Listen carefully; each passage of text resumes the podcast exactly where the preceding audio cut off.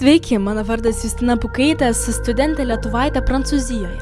Jūs klausotės mano podcast'o Tarpinė stotelė.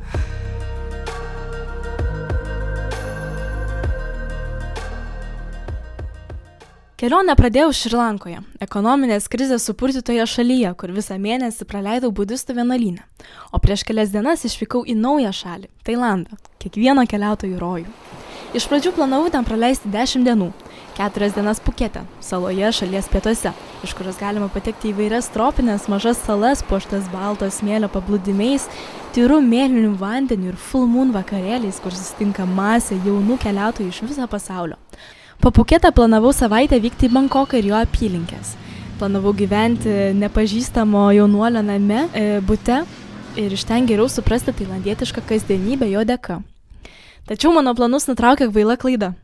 Atvykus į Kolombo oro uostą manęs paprašė parodyti Tailando pasą, kuris yra privalomas visiems norintiems atvykti į šalį. Žinau, kad lietuviams norintiems keliauti į Tailandą vizos nereikia, todėl pagalvojau, kad šį pasą galėčiau užpildyti likus keliom valandom iki skrydžio. Panašiai kaip koronos viruso forma vykstant į Lietuvą. Prieėjus prie čekino manęs paprašė jį parodyti ir aš lik niekur nieko pradedu įpildyti. Nustebau, kiek daug dokumentų manęs prašė. Nuo kiekvienos vakcinos injekcijos iki draudimo ir gyvenamosios vietos įrodymų. Kai viską užbaigiau ant telefono ekrano buvo parašyta, jog gausiu leidimą skristi ne vėliau kaip per 48 valandas. Mano lėktuvas išskrenda po 2 valandų. Uždaviau klausimą džentelmenui prie prekystalio ir jis tiesiog guštelėjo pečiais ir pasakė, jog turiu valandą laiko, kad gaučiau patvirtinimą, kitaip manęs į lėktuvą neįsileis. Gal man pasiseks? Atsisėdau ant kėdės netoli čekino zonas, išsėmiau kompiuterį ir kas 20 sekundžių vis atnaujinau Tailando imigracijos puslapį. Priešais manęs sėdėjo Indė su viena akim ir visą valandą be perstojo spoksojo į mane. Atrodė, kad pervers mane žvilgsniu. Visų galiausiai man leidimo niekas per valandą nedavė ir turėjau pakeisti lietuvių biletą. Naujas skrydžio laikas po trijų dienų. Taigi, ate puketai, ate salos ir jūra, ate pilnaties vakarėliai. Į Bankoką atvykau po keturių dienų be jokių planų. Nieko nesuplanavau, nei ką noriu pamatyti, nei kur noriu nukeliauti. Tailandietis taksi vairuotojas mane pasėmė iš oro uosto, kad nugebentų į Bankoką. Jis beveik nekalbėjo angliškai, bet plačiai šipsojęs ir dėvėjo jokingą kepuraitę. Jo vardas buvo Tomas. Į automobilio, kaip ir automobilių Šrilankoje, vairas buvo dešinėje, taigi eismas Tailandė vyko kairiaje pusė. Padariau išvadą, kad Tailandas buvo Britų kolonija, nes taip, mano smegenys taip veikia. Skaičiuoja A plus B, tai jeigu eismas aukštinkojamas, tai vadinasi kalti anglai. Ir tiesą pasakius, mano logika buvo klaidinga. Tailando niekada niekas nebuvo kolonizavę. Tai yra viena iš tų kelių pietričių Azijos šalių, kurios visada buvo laisvos. Ir Tailandas tuo labai didžiuojasi. Taip pat sužinojau, kad teismas kairėje yra ne anglų kaltė, o yra kilęs iš riterių laikų, kurie dažniausiai buvo dešiniarankiai ir todėl kairėje pusė nešiojo kardą. O eismas vyko natūraliai kairėje kelio pusė, kad kardai nesimaišytų. Ir iš tiesų sakoma, kad viską apvertė užtinkom prancūzai. Na, tiesą sakant, Napoleonas I. Šis imperatorius įvedė eismą dešinėje pusė visose savo kolonijose, kad supainėtų priešus ir jiems pasunkintų polimus šiandien net 65 procentai pasaulio šalių važiuoja dešinę pusę. Kai atvykome į Bankoką, mano akį patraukė du dalykai. Pirmiausia, dangoraižių skaičius. Tiek daug dar nesu mačius.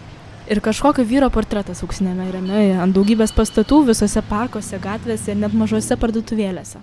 Paklausiau Tomo, kas jis toks. Jis man pasakė, jog tai karalius Vaira Longornas. Karaliumi jis buvo paskirtas 2016 metais, mirus jo tėvui.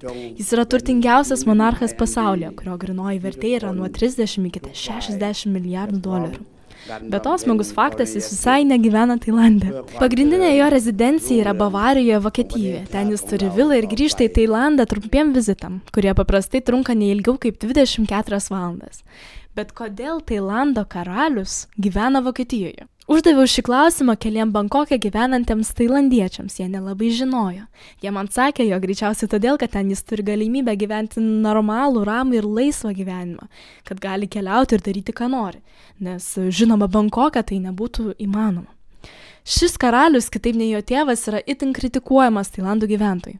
Ne tik dėl to, kad jis retai grįžta į savo karalystę, bet ir todėl, kad nuo pat įžengimo į sostą jis prisėmė daugiau monarchijos galių ir yra daug labiau įsitraukęs į politiką nei jo tėvas. Ypač po to, kai jis 2017 metais pakeitė konstituciją. Nes nuo 1932 metų Siamos revoliucijos Tailandas yra konstitucija monarchija. Tai reiškia, kad pagal pradinę konstituciją karalius turi mažai tiesioginės galios, kurią vykdo nacionalinė asamblėja ir ministrų taryba bei teismai. Masiniai protestai prasidėjo 2020 m. pradžioje. Jie buvo šiek tiek panašus į gegužės 68-ųjų judėjimus Prancūzijoje. Pagrindinis šių abiejų protestų variklis buvo studentai. Juos paskatino politinės partijos Future Forward Party išardimas 2020 m. vasarį, kuri kritikavo ministrą pirmininką Prajutę Čanočą O tai, anot tailandiečių, nebuvo labai demokratiškas sprendimas. Tas ministras pirmininkas yra Tailando karališkųjų ginkluotojų pajėgų generolas, atėjęs į valdžią po karinio perversmo 2014 metais. Ir vėliau laimėjęs 2019 metais rinkimus, kurie anot kritikų buvo suklastoti.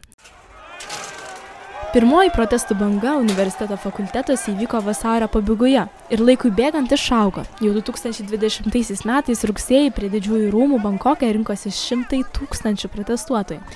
Gyventojai turėjo tris reikalavimus - išardyti asamblėją, nutraukti gyventojų bauginimą ir atnaujinti konstituciją, tai reiškia reformuoti Tailando monarchiją. 2020 m. spalį karalius grįžo į Bankoką savo tėvo mirties ketvirtojo gimtadienio proga.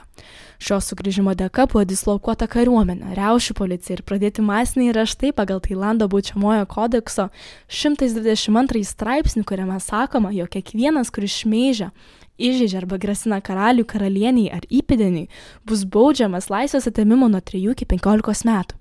Tai reiškia, jog niekas neturi teisės kritikuoti monarchijos. Tai irgi nėra labai demokratiškas įstatymas. O 2021 m. lapkritį Konstitucinis teismas nusprendė, kad gyventojų reikalavimai reformuoti Tailando monarchiją prieštarauja konstitucijai ir nurodė nutraukti visus judėjimus. Tuomet visi antimonarchiniai pagrindiniai veikėjai buvo sulaikyti kartu su šimtais protestuotojų. 2022 metais protestai visai nutilo dėl šių vyriausybės represijų, politinė sistema išliko nepakitusi.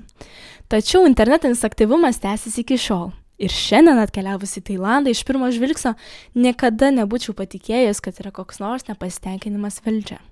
Tačiau negalėjau praleisti Bankoko žmonių užsidėgymo dėl sostinės gubernatorius rinkimų, kurie vyko praėjusį sekmadienį. Tai buvo rinkimai, kurie buvo sustabdyti nuo 2014 metų perversmo. Turbūt įsivaizduojat, koks tai buvo didelis įvykis Bankoko gyventojams.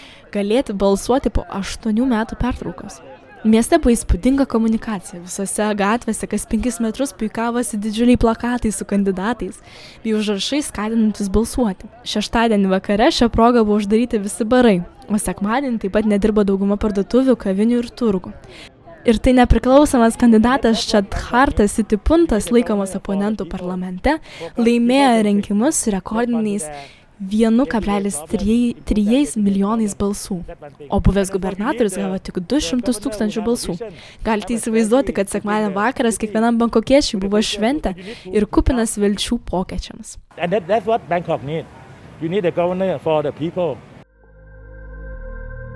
Dėkoju, kad klausėtės, pasimatysime kitą savaitę naujoje serijoje.